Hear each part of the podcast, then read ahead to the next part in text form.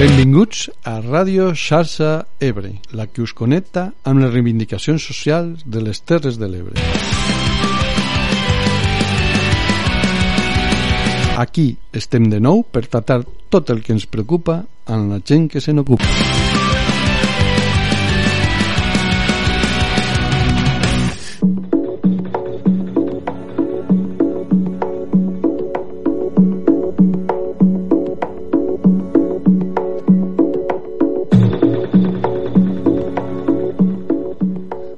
Dia i bona hora, bona gent. En aquests temps convulsos i desconcertants ens sembla més important que mai posar la mirada en les qüestions més bàsiques.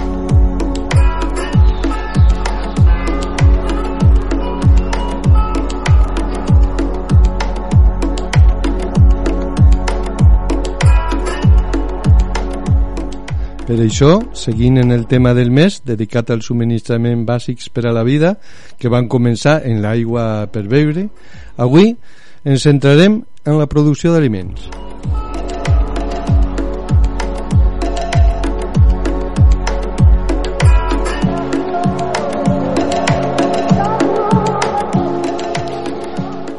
I per debatre sobre això hem convidat Jordi Querol, pagès d'Ullecona, que aplica mètodes interessants en aquesta producció i a Fanny Castell, col·laboradora del programa.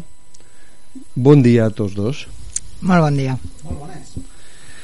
Jordi, tu fas agricultura biodinàmica. Ens podries fer cinc cèntims sobre això?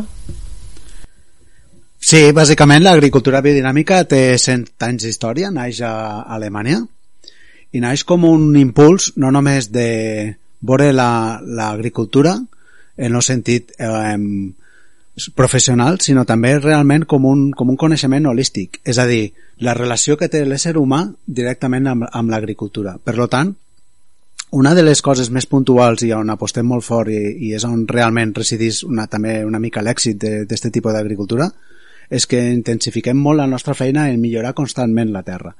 És a dir, poder entendre i comprendre com està aquesta terra i a partir d'aquí fer una sèrie de tècniques per intentar sempre fertilitzar-la, millorar-la i a partir d'aquí poder obtindre productes qualitativament molt bons i molt saludables. Gràcies, Jordi. Tu com ho veus, això, Fanny? Pues ho veig superinteressant.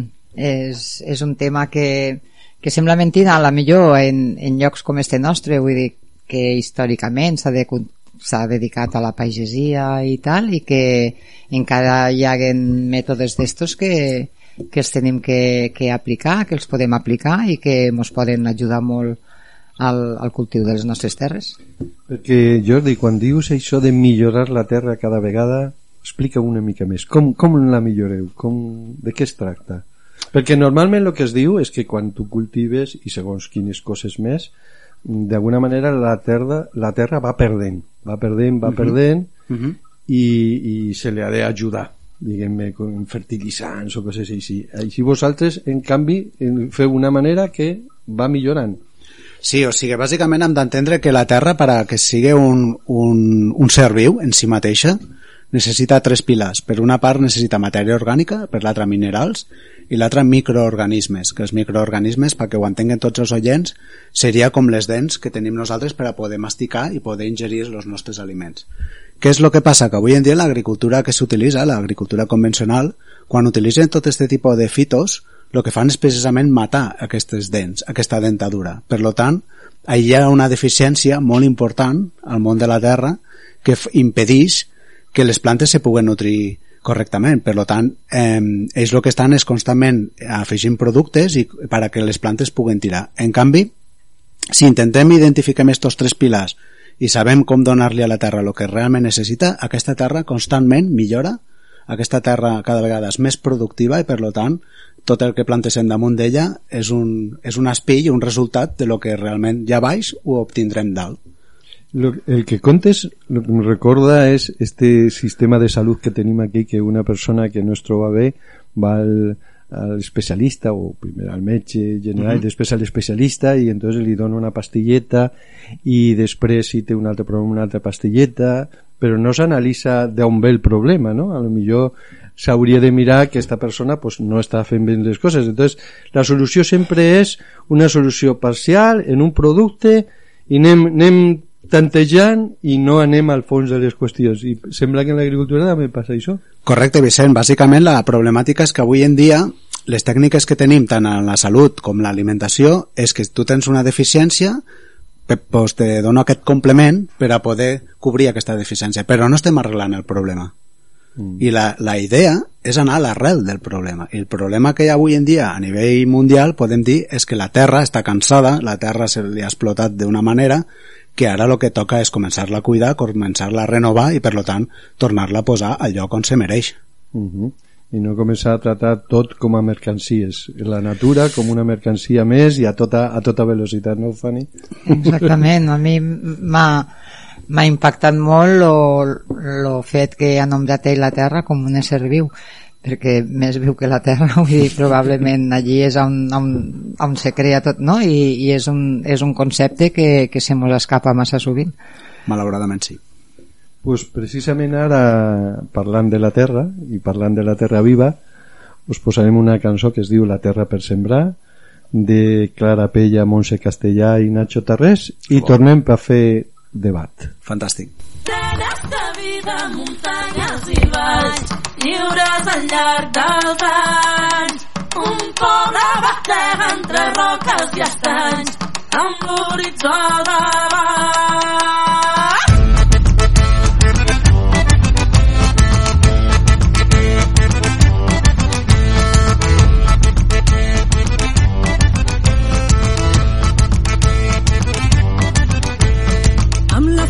Dels que ja van marxar per no tornar, amb l'empenta dels que avui encara estan per venir.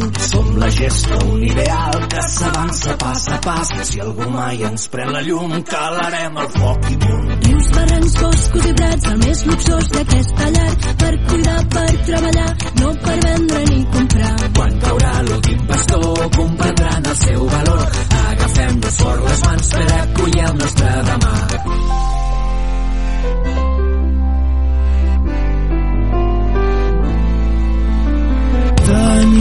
Tenim la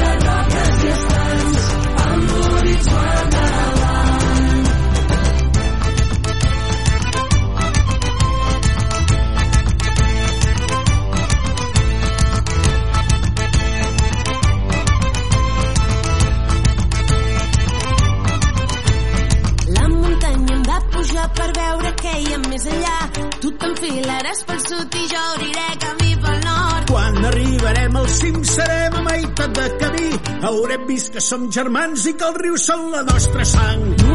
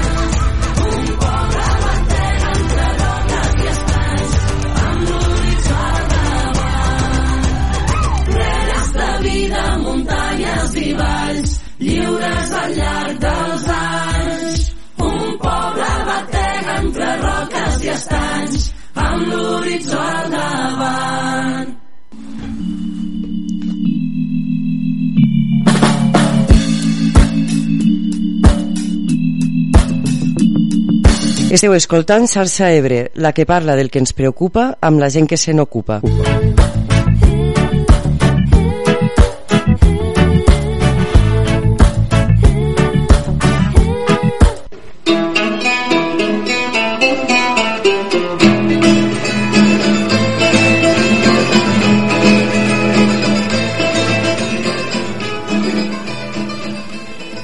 Bé, aquí estem de nou per engegar el debat i hi ha molts termes del nostre territori, de les Terres de l'Ebre, que tenen una gran part de la superfície agrícola abandonada. Això ens deixa en una gran dependència respecte a productes que venen de fora per alimentar-nos i que ara seran cada vegada més cars, tal com van les coses. Des del vostre punt de vista, què n'hauríem de fer? Què n'hauríem de fer com a territori des del punt de vista de l'agricultura, de l'alimentació? Què ne penseu? Qui s'anima? Uh, jo començaré en una cosa molt bàsica. Primer que res, escoltar a la gent que n'entén, la gent que en sap i la gent que te pot encaminar pel bon camí. Eh, en aquest aspecte pe- penso que hem començat en bon peu natros i bàsicament és això, que parlen els experts i, i, i que identifiquen problemàtiques i solucions i, i els demés a, a seguir-ho. Jordi? Bueno, la pregunta és molt, molt bona i és altament interessant i crec que no tinc una resposta per a, per a donar-la. Per què? Perquè aquí estem posant damunt la taula eh, un escenari que el qual hauríem de plantejar-nos molts aspectes, però una de les coses que crec que és molt important és que la societat ha de començar a entendre cada vegada un canvi de paradigma.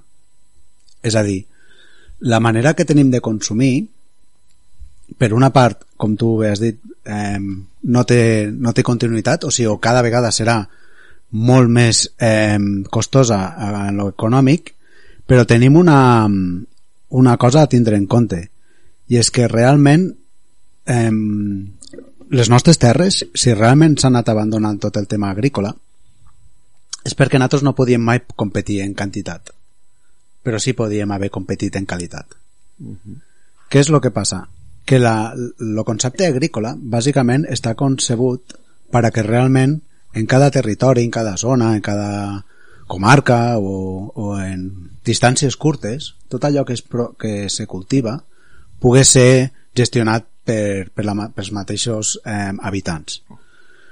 A partir d'aquí, eh, quan nosaltres ens plantegem que l'agricultura és un concepte en el qual el que busquem és aquesta paraula que jo sempre odio tant, que és explotació agrícola, és a dir, anem a explotar-ho, anem a mirar de com minimitzar recursos, com treure el màxim rendiment, independentment de lo que parlava, no? de la salut d'esta terra o d'aquest organisme viu.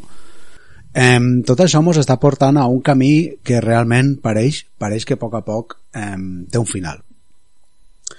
Per lo tant, eh, avui per avui tornar a conquistar o tornar a comprendre de que realment el que tenim, perquè realment tenim un territori que és increïble, o sigui, climatològicament i les terres que tenim, per que us féssiu una idea, tots els oients i els que estem aquí, eh, a les terres de l'Ebre podríem arribar a fer la màxima diversificació de cultius de, de tota Europa. O sigui, climatològicament podem fer absolutament quasi qualsevol tipus de culti- cultiu.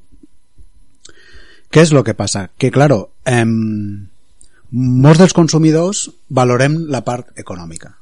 O sigui, quan anem al mercat i veiem pues, unes tomàques a 1,50 i unes a 30, pues, dius, pues, si són tomàques, pues, pues venga, va, posa més des de 0,30 que total, com que les consumiré ràpid i n'he de tornar a comprar d'aquí dos dies. Això és molt erroni, perquè en la nostra economia podem decidir avui per avui encara, demà no ho sé, a on, a on podem aportar aquests diners per, a, per saber quins projectes podem sustentar. I clar, a poc a poc, avui en dia encara a les Terres de l'Ebre hi ha molt de pagès, hi ha molt d'agricultor, però que cada vegada li és més difícil tindre un canal de connexió per a poder vendre la seva producció. Però per què? Perquè no pot competir en els grans. Llavors la- l'agricultura s'ha industrialitzat tant, s'ha fet tants, tantes barbaritats en quant a monocultius, grans extensions, que clar, és una manera d'aparatar, però eh, això és pa per avui i gana pa demà. Per tant, aquesta pregunta que plantegem realment podríem dedicar un debat de hores i hores i hores. I jo et confesso una cosa, Jordi. Digues, digues. Saps que aquí tenim, tenim un problema de gent jove que se'n va. Sí, i l'altra que torna. Altra que torna.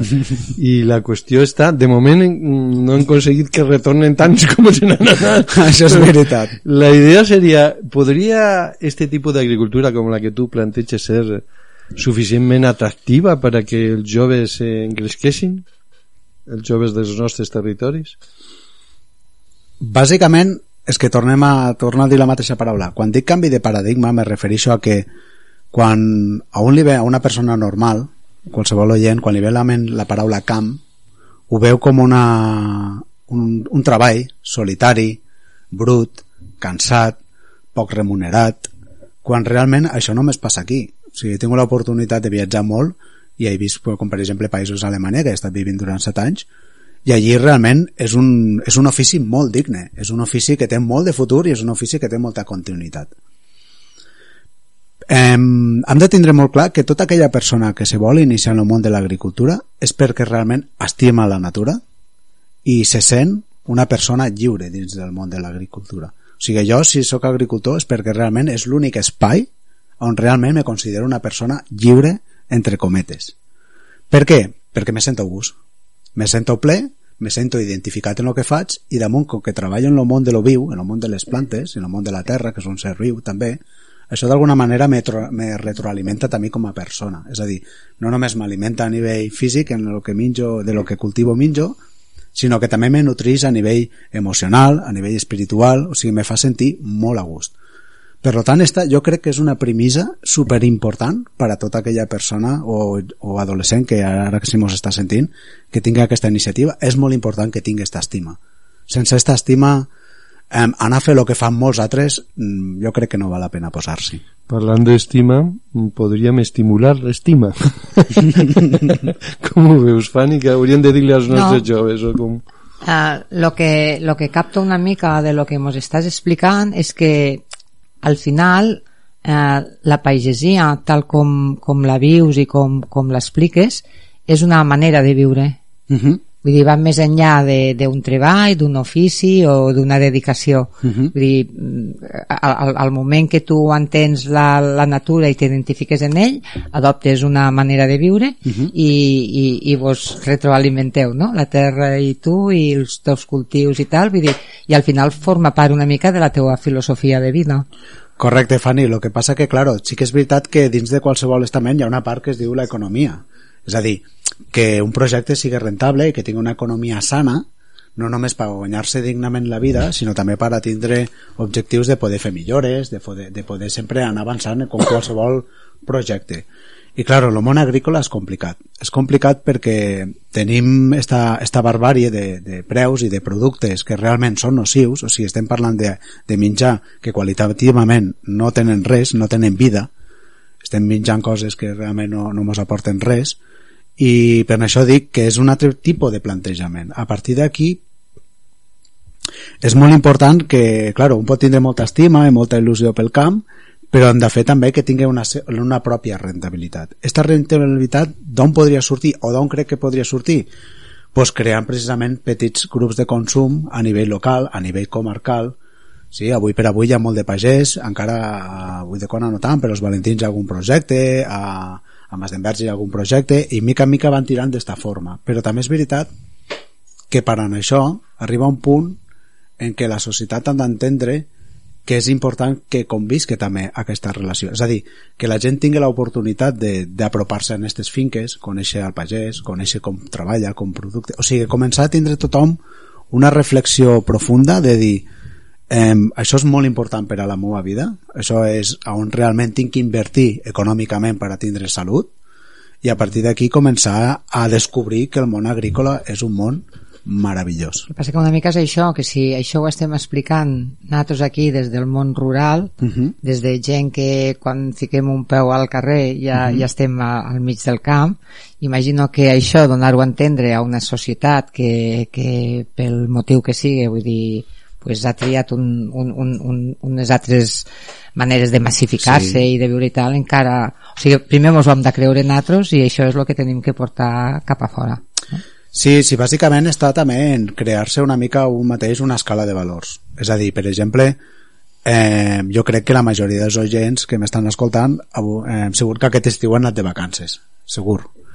En canvi, eh, per què ho dic això? Que, que, que, que vull dir que és dolent anar de vacances? No, el que m'estic referint és que a vegades jo, per exemple, prefereixo invertir en aliments que no, per exemple, agafar 15 dies i anar-me'n a, a fer vacances on sigui. Per què? Perquè aquí tinc un, o sigui, tinc uns altres valors, no? Que, eh, la meva economia és la que tinc, però jo la vull, la vull invertir correctament. Per tant, ja et dic, si no comencem a tindre un canvi de paradigma, eh, serà molt difícil poder readaptar-nos a aquestes noves circumstàncies. Bàsicament per què? Perquè, bueno, avui per avui pues, ho donem tot com una... Tot funciona, tot és una zona de confort, que tu vas al supermercat, te trobes de tot, que si no hi ha aguacates d'Alcanar, pues los troba, transportaran de, de Perú, no hi ha cap problema, però això no mos a dir que l'any que ve pugui ser o l'altre o l'altre. És a dir, que bàsicament la nostra agricultura és la nostra independència com a, com a poder tindre la possibilitat de poder alimentar-nos per nosaltres mateixos. És per aquí que, que jo crec que val molt la pena apostar per, per tot aquest tipus de... Juan Carlos... Jo és que... Sí, és que se m'ocorreix una pregunta que és- Sí. eh, seria una mica com a resum del que heu estat dient, los dos, Fanny i, i Jordi, i també les preguntes que ha fet Vicent. No trobeu que senzillament és que han perdut el contacte? En, Sí. en, la, en, la, no, no, en la base de la vida? La, vull dir, el camp és la base de la vida, si no hi ha aliments no... no? Eh, Com, no, com si no hi ha aigua. No trobeu que han perdut aquest contacte? Totalment. Totalment. Eh, mica en mica, si mos hem donat compte, en els últims 50 anys hem tingut una desnaturalització de, del món agrícola. És a dir, si mos en recordem dels nostres avis o rasquem una miqueta més atrás, qui més qui menys estava connectat en la natura.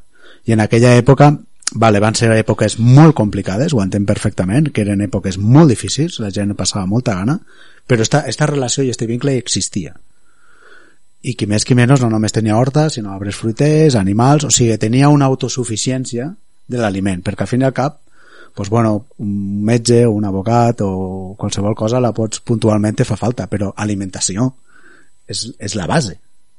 Per tant, esta desnaturalització ens està portant també a que cada vegada veiem el món del camp com una cosa molt més alluny, com és una cosa que, que no va en natros, que no té cap implicació en natros. I en aquest sentit, Juan Carlos, tens tota la raó. Eh, és molt important començar a tindre aquesta connexió, per això dic que s'ha de tindre estima per el món de, lo, de la natura, sense cap dubte. I potser haurem de canviar la, la relació que tenim amb la natura. Tu parlaves de que te feia ràbia la paraula explotació, Molta. però és que l'ésser humà porta explotant la natura des de fa mil·lennis, perquè té esta concepció de, de domesticar-la pel seu, pel seu interès. Sí. Potser això en els últims anys ha augmentat de manera tremenda, de manera Sí. vertiginosa. Però potser eh, al principi no era tan així. És a dir, encara hi ha cultures on quan se va a, jo què sé, a matar un animal, per exemple, o se va a tallar un arbre, se li demana permís a la natura en conjunt, com diguem, mira, ho faig perquè ho he de fer, però, escolta, mm, és per sobrevivència, no és per, no és per, eh, mira, perquè vull jo aquí tindre el capritxo, no? Uh -huh. i esta relació de sentir-nos part de la natura i no estar per damunt, que som els que dominem, els que manem, els que explotem, uh -huh. això és lo que, el camí que ha fet l'ésser humà que potser hauria de redreçar-lo, com tu dius, un canvi de paradigma o un redreçament de la manera de relacionar-se amb la natura. És que aquí, Vicent, hem de tindre clar una cosa, i és que la natura sense l'espècie humana no té cap problema. Mm -hmm. Però l'espècie humana sense la natura té els dies comptats. Claro. A partir d'aquí, per això parlo d'esta estima. Perquè quan tu fas les coses des del carinyo, des de l'estima, des de la comprensió i el coneixement agrícola, lògicament, has de tindre molt de coneixement. És una de les de les coses que crec que no, jo la meva vida és massa curta per a realment arribar a aprendre molt sobre l'agricultura, o sigui que és molt complicada, realment és molt complicada. Eh, Sentir-nos part d'això és importantíssim. Per tant, clar que nosaltres fem una, una, una extracció d'aliments, però això no vol dir que no la tinguéssim que cuidar, que no la poguéssim millorar. O sigui, tenim coneixement, tenim eines, ho tenim tot. Per tant, és absurd anar en contra d'ella. És absurd, perquè de fet ja ho esteu veient. Si tot el que estem parlant constantment de tothom, que si el canvi climàtic i tota, tota aquesta situació, pues l'ha anat creant nosaltres mateixos.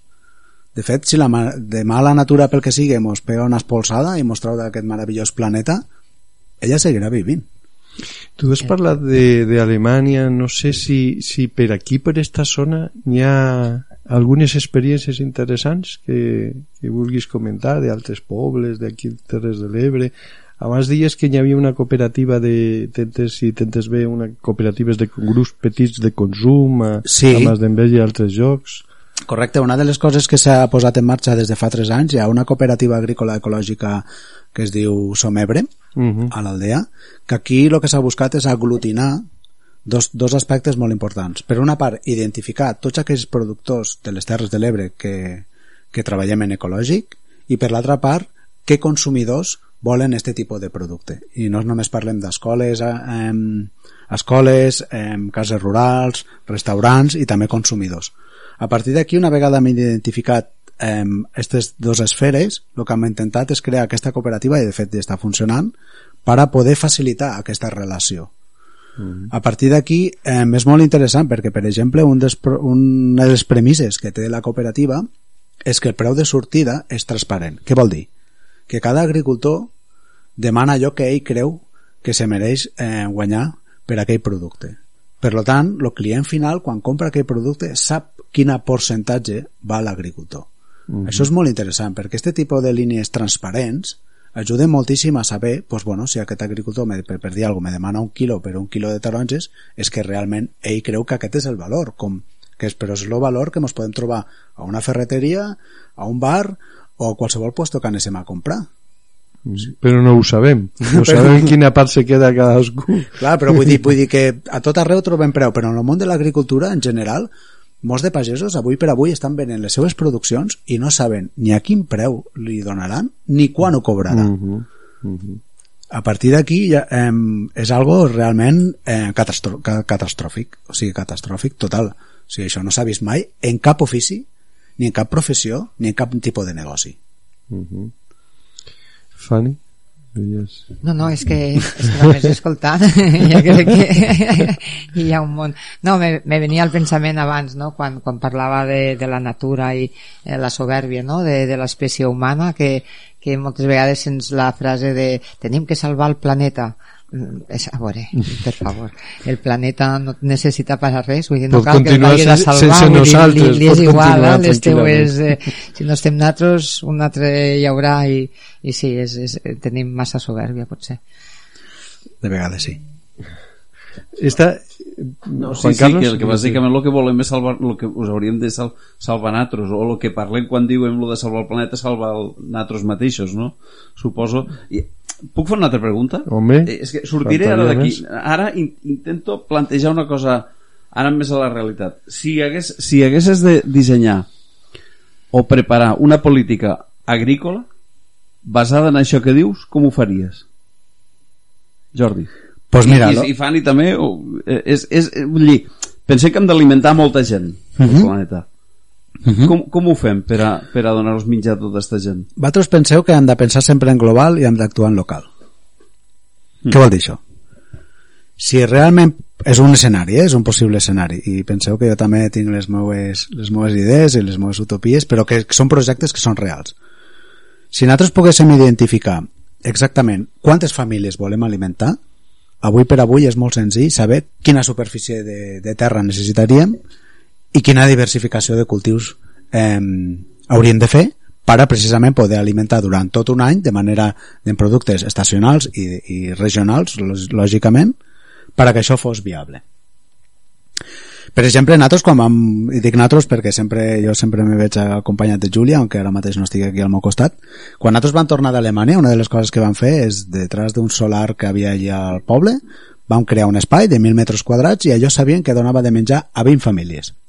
A partir d'aquí, allò vam tirar-ho en marxa, però vam tirar-ho en marxa també per un aspecte sociocultural. O sigui, el que volíem és realment que la gent s'apropés al món agrícola, que s'apropés i no només pogués disfrutar d'aquelles fruites i verdures espectaculars, sinó que també tingués una vivència. O sigui, també oferíem que aquest tipus de soci, si volgués, podia vindre a col·laborar amb nosaltres durant 3 hores, és a dir, damunt aprenia la professió gratuïtament, o sigui, un gran regal, en la idea de- d'intentar fer entendre a la gent que és molt important que hi hagi una agricultura local, que és molt important que hi hagi una agricultura de proximitat i que aquesta sigui el més qualitativament bona possible. Perquè realment, quan no hi ha res més interessant que et vingui un company o un amic o una amiga et diguen Buah, vaya enciams més bons que em vaig menjar l'altre dia. O sigui, això t'ompli de goig, de joia i és algo que no té preu. Això sí que no té preu. Molt bé, anem a posar una miqueta de, de música per continuar aquest, després aquest debat tan interessant. Ara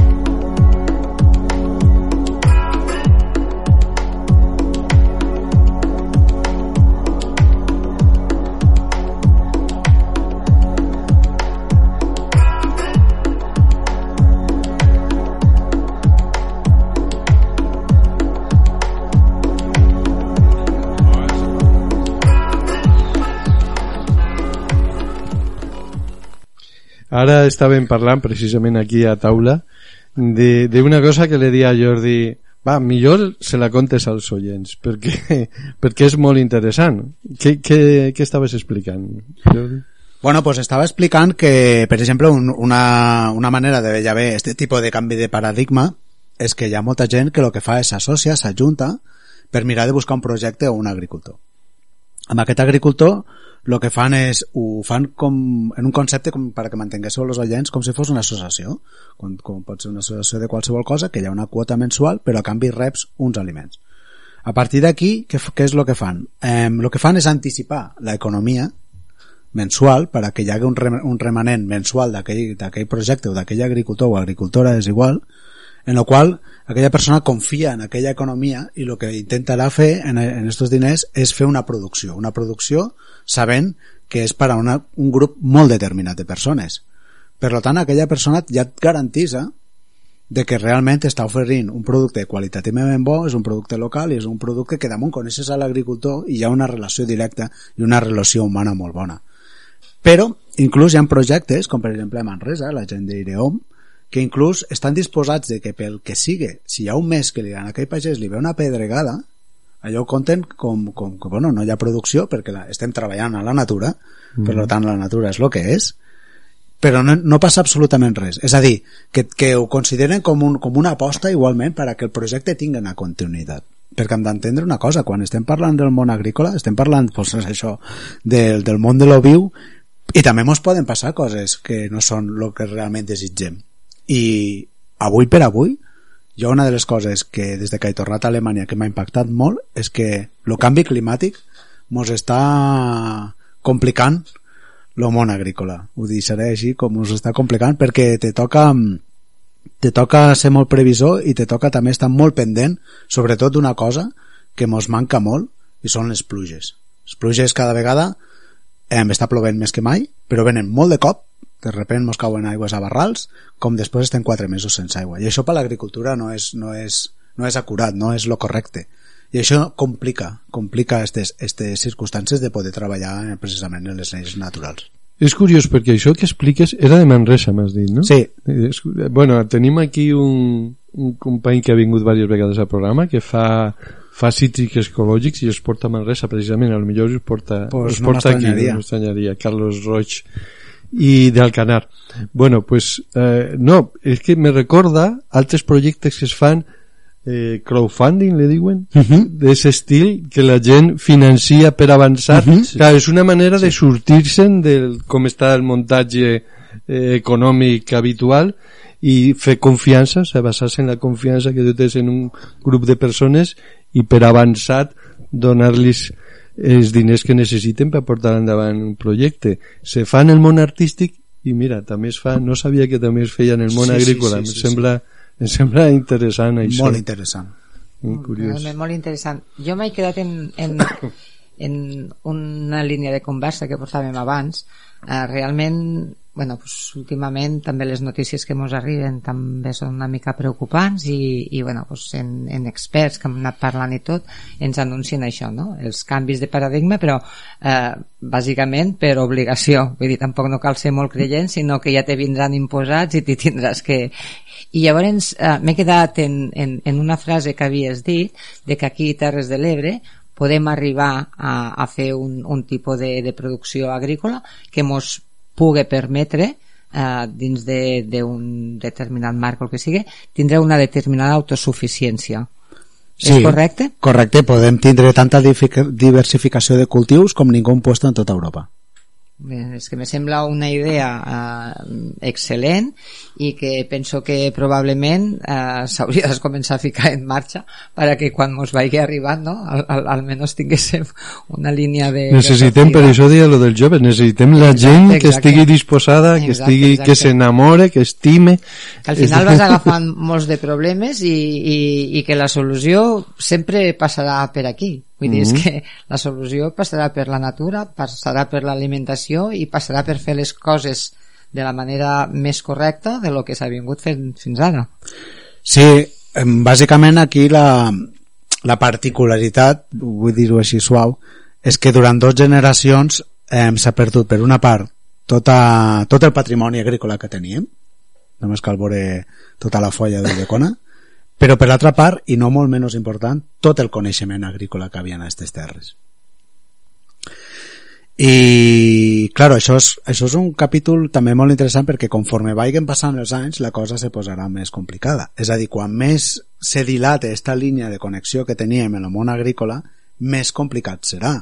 Perquè avui per avui molta, molta gent no té coneixements agrícoles, no, no sap com se cultiva una tomaquera, no, sé cap, no se sap com se cultiva un, un, un pimentó, o, o sigui, cada cultiu té la seva especialitat. Però sí que és veritat, i això eh, és molt engrescador i molt animador, és que quan treballes en el món de l'oviu te pots arribar a sorprendre. És a dir, que a vegades ho podem veure com una cosa molt complexa, però a la vegada és una cosa molt gratificant i que, te, i que en molt poc en molt poc coneixement realment pot, pots arribar a fer eh, millores en aquest tipus de cultiu. El que és important és que, i vosaltres ho recordareu millor que jo, jo quan era molt, molt crió, eh, de fruita i sobretot eh, fruita d'os, aquí a Uidecona se'n feia moltíssima. Se feia cirera, se feia préssec, se feia nectarina, se feia pruna, se f... i avui per avui trobar un camp de massaneres o de pomeres o... no se'n veu cap. Clar, què vol dir això? Que quan, treball... quan...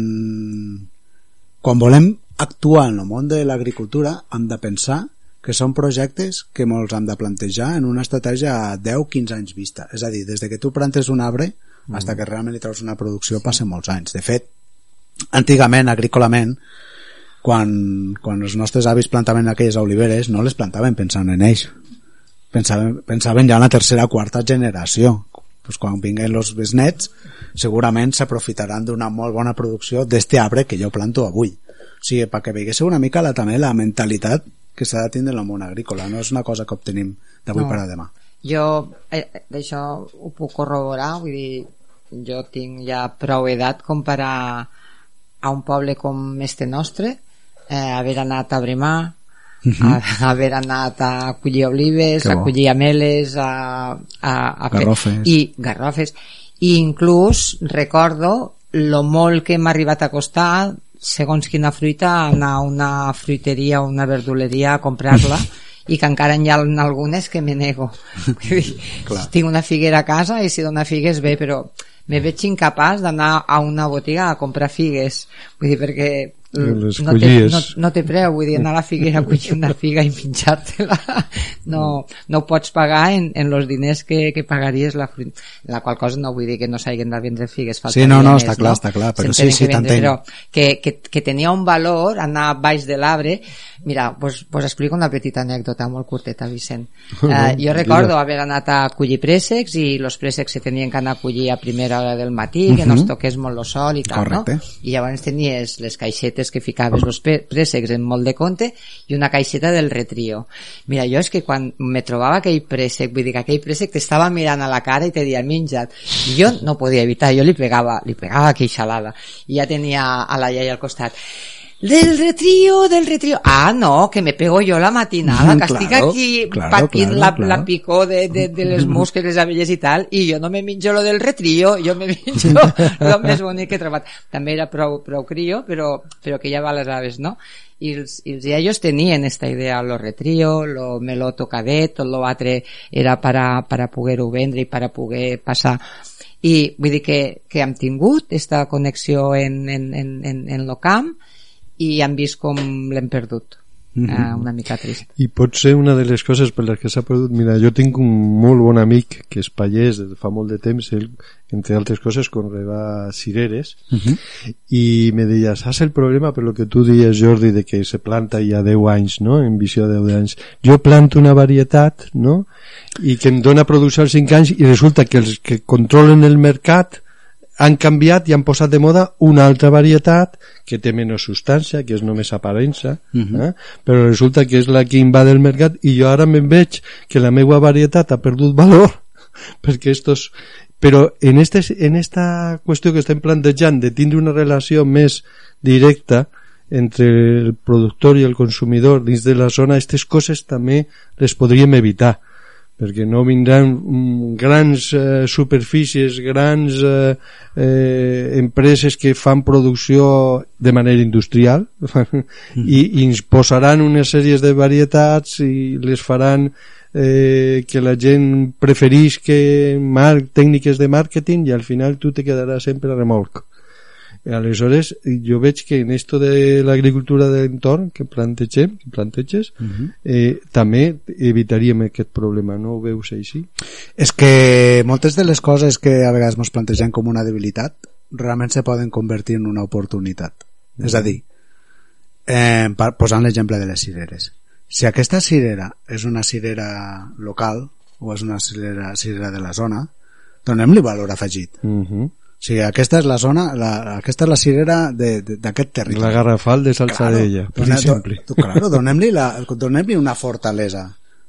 Per què? per què? Perquè aquesta cirera només la trobaràs aquí, o és, una, és típica d'aquí. I a lo millor és un cirerer que a lo millor no és tan productiu com altres varietats noves, però clar, tu menges aquella cirera i no hi ha color. Val? eh, llavors, què és el que passa? Que aquí hem de tindre molt clar. Què volem valorar? La qualitat o la quantitat? Què vull dir amb això? Que a nivell agrícola fer qualitat no pots fer quantitat? I tant. Però mai com aquesta explotació agrícola que hi ha al darrere en una bateria d'insums que vos podríeu fer creus, és més, és un llibre així de gran, que fa més d'un pam de gran, em, que és que no pot ser, no, no pot ser que cada coseta que tingui un cultiu em, sempre estigués creant inputs, perquè és que no, realment això no és, no és, ni és sostenible, ni és adequat, i damunt és, és insaludable. Per lo tant, eh, per dir alguna cosa, nosaltres a l'hort que tenim a casa no veuràs dos tomaques iguals. És que no les veuràs. Cada una és inclús, és, un, és una particularitat, és molt particular cada una d'elles. En canvi, tu vas a un supermercat i totes són exactament Sí. iguals, el mateix calibre, eh, això des de lluny ja, bueno, com a, com a coneixement agrícola, això fa una mica de mal olor. Que tot sigui tan, tan homogeni, no? Sí, sí. Valorem Com la com la societat, no? Com la societat. homogènia. Tots han de ser iguals perquè si no... Sí, sí. Ara, és curiós perquè per una banda s'estimula la homogeneïtat però després és lo de personalitza el teu mòbil però és això, posa el coloret posa el coloret, però la substància és la mateixa. Sí, sí, sí, sí, un, sí, sí. un toquet perquè te quedes tranquil, però... A veure... Bueno, eh, estem parlant de menjar, estem parlant de- d'agricultura, de, de com, com eh, produir un menjar més sant i mos hem menjat el temps. Ah. mos hem menjat el temps perquè anem, anem, anem, anem acabant perquè se nos farà i no, no voldria o sigui, encara tenim uns minutets eh? Sí, sí. però és un avís per a que eh, no se'ns escape Jordi sense que li preguntem les últimes coses i ell ens digui l'últim que vulgui dir Juan Carlos, tu tens alguna... No, bueno, jo, la, la, una mica la valoració que fa jo crec que és per on hauria per on encarar les coses per el que hem parlat avui és el que crec que per on hauria d'anar l'agricultura si es pogués. Però el problema és o el que a mi me trenco més el cap és com atraus a la gent jove a fer, a fer agricultura.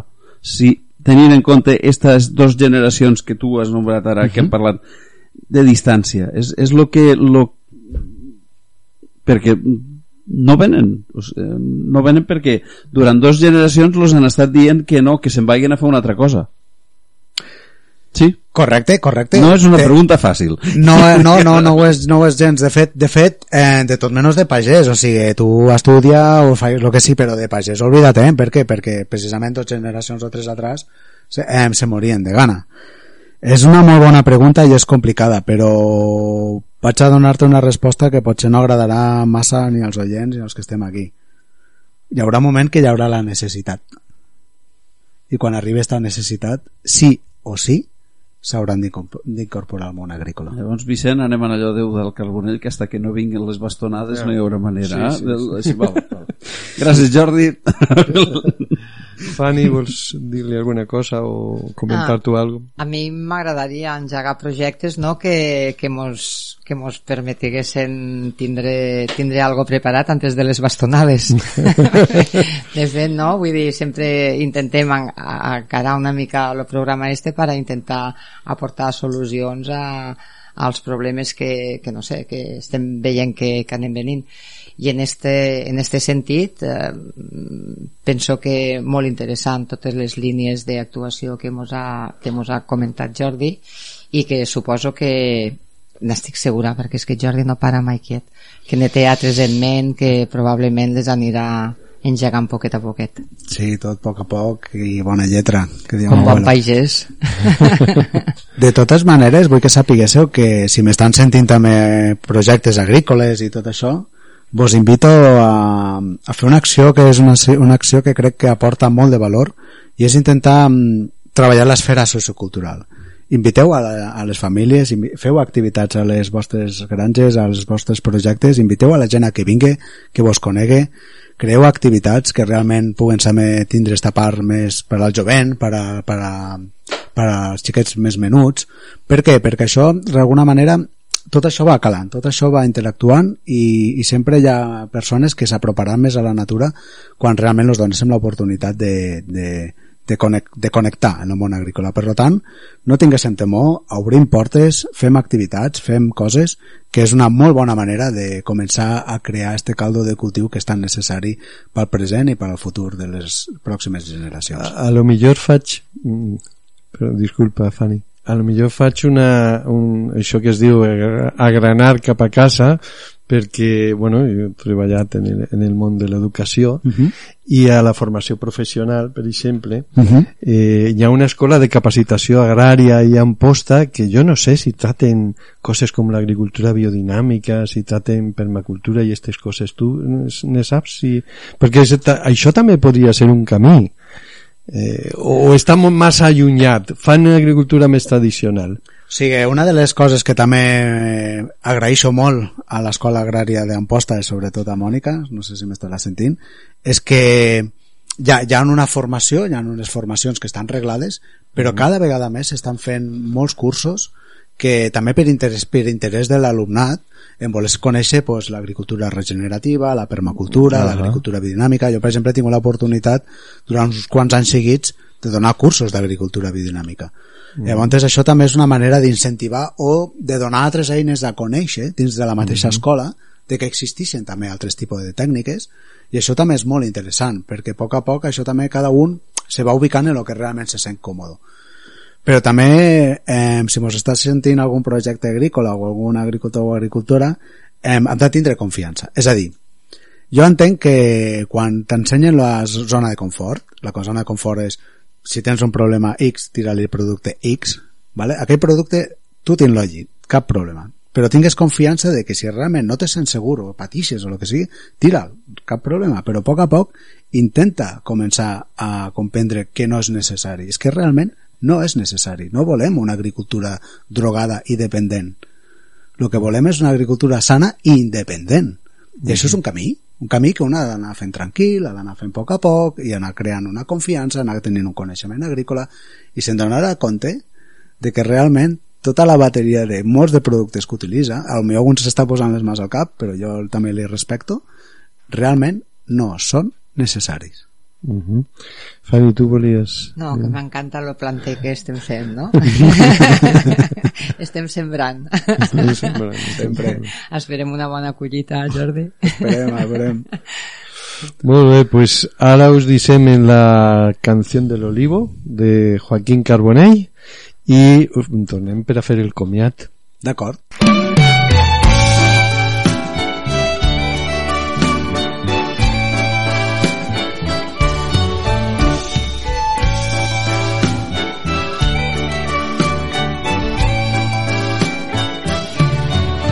Cien olivos rotos de la codoñera. Buscan las raíces de sol y de piedra, buscan las raíces fuera de la tierra. Tierra resecada en el San Benón, mamando el aceite de llanto y dolor, mamando el aceite de negro color. Y al anochecer todos los olivos se van a beber con el clarear, todos los olivos vuelven a llorar.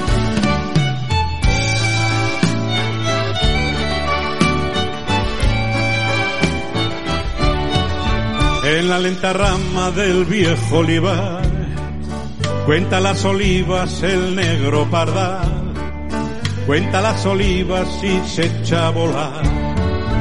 Vuela por las viñas de Montalbosón, a las cinco en punto ya se marcha el sol, a las cinco en punto se acaba el Señor, y al anochecer todos los olivos se van a beber, con el clarear todos los olivos vuelven a llorar.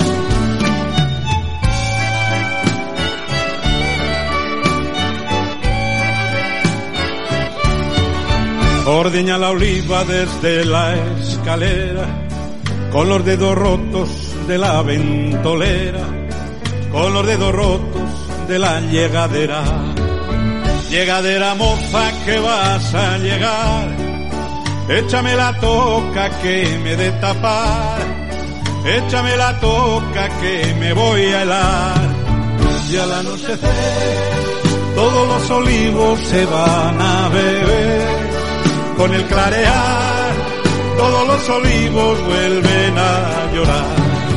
Y al anochecer, todos los olivos se van a beber. Con el clarear, todos los olivos vuelven a llorar. Pues moltes gràcies Jordi, Jordi Querol. Estaríem hores parlant en tu d'aquests temes i les propostes que fas que són molt interessants. I sabent que estàs molt ocupat però bueno, ens fem la idea de que millor d'aquí un temps pots tornar i continuem parlant a veure estos projectes que portes en ment. Ara te faré com, com els als actors o als directors de cine que fan, fan entrevistes i, i dona'm una exclusiva el, el pròxim projecte que tens en el cap eh, què, és, què és el que tens en ment així, així més Bueno, eh, de projectes n'he tinc molts, però bàsicament el projecte és que tinc és voler acabar aquest 2022 que li tinc moltes ganes li he agafat molt de carinyo. I el 23 ja ho veurem. Realment són coses però que són coses molt primàries que, bueno, pues que en el seu moment aniran sortint a la llum i tot temps al temps Vale, vale. Doncs eh, de la part eh, de Fanny Castell, Juan Carlos Fibla i jo mateix Vicent Prunyonosa agraïm molt a Jordi i a les persones que ens heu estat escoltant.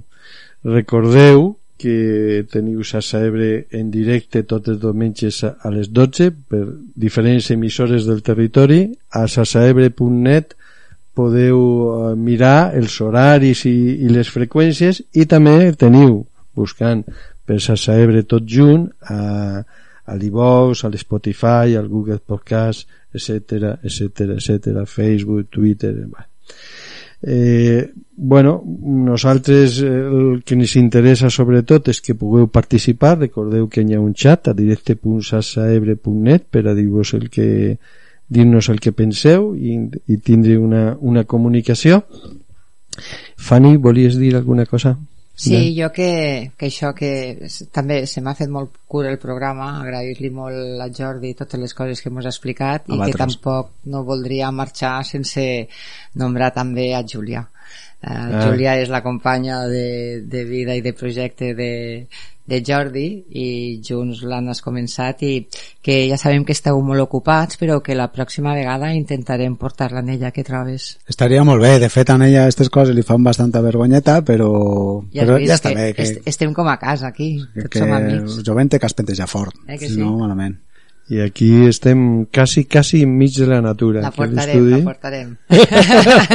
Vols dir que estem en confiança Si me permeteu, jo voldria dir una Digues, frase digues. inspiradora per a tots els oients. És una bé. frase que jo sempre la tinc com a algo molt present i la diré en castellà perquè me la sé en castellà, que és de Cireró i diu lo següent.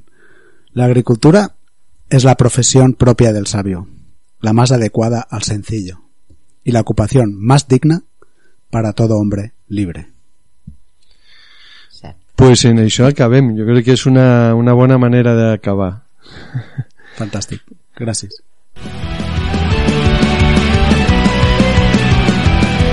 T'esperem a la propera emissió de Xarxa Ebre. Ens trobaràs al WordPress, al Gmail, Facebook, Twitter i a l'iVox. Sempre amb aquesta etiqueta, Xarxa Ebre.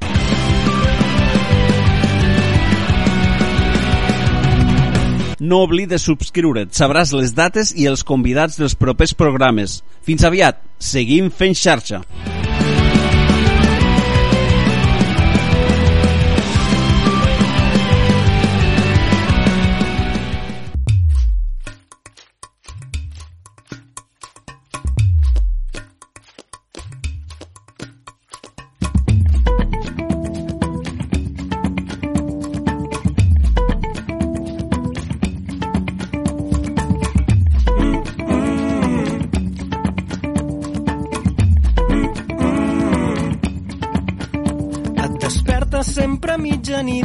Esclata el teu somriure. Fas cara de voler-nos dir, passava per aquí. Vas arribar amb tempesta i ara ets un remolí que tot ho desordena i en tot em fas petit. Aigua, ets irrefrenable, que t'escapes d'entre els meus dits. Aigua, ets irrefrenable, que t'escapes d'entre els meus dits. No hi ha pantà que et pugui contenir, no hi ha cap mestre que sàpiga què dir. Aigua ets que t'escapes d'entre els meus dits. No hi ha pantà que et pugui contenir.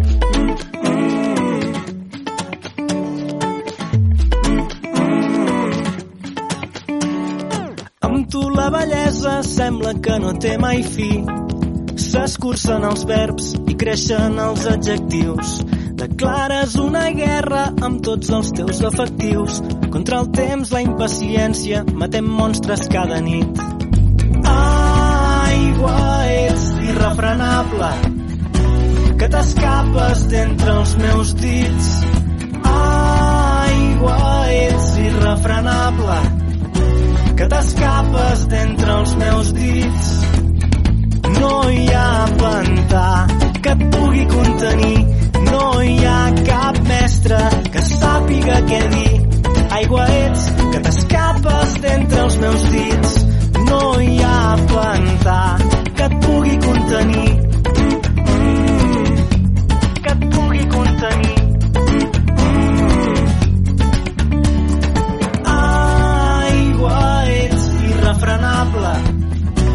que t'escapes d'entre els meus dits. Aigua, ets irrefrenable, que t'escapes d'entre els meus dits.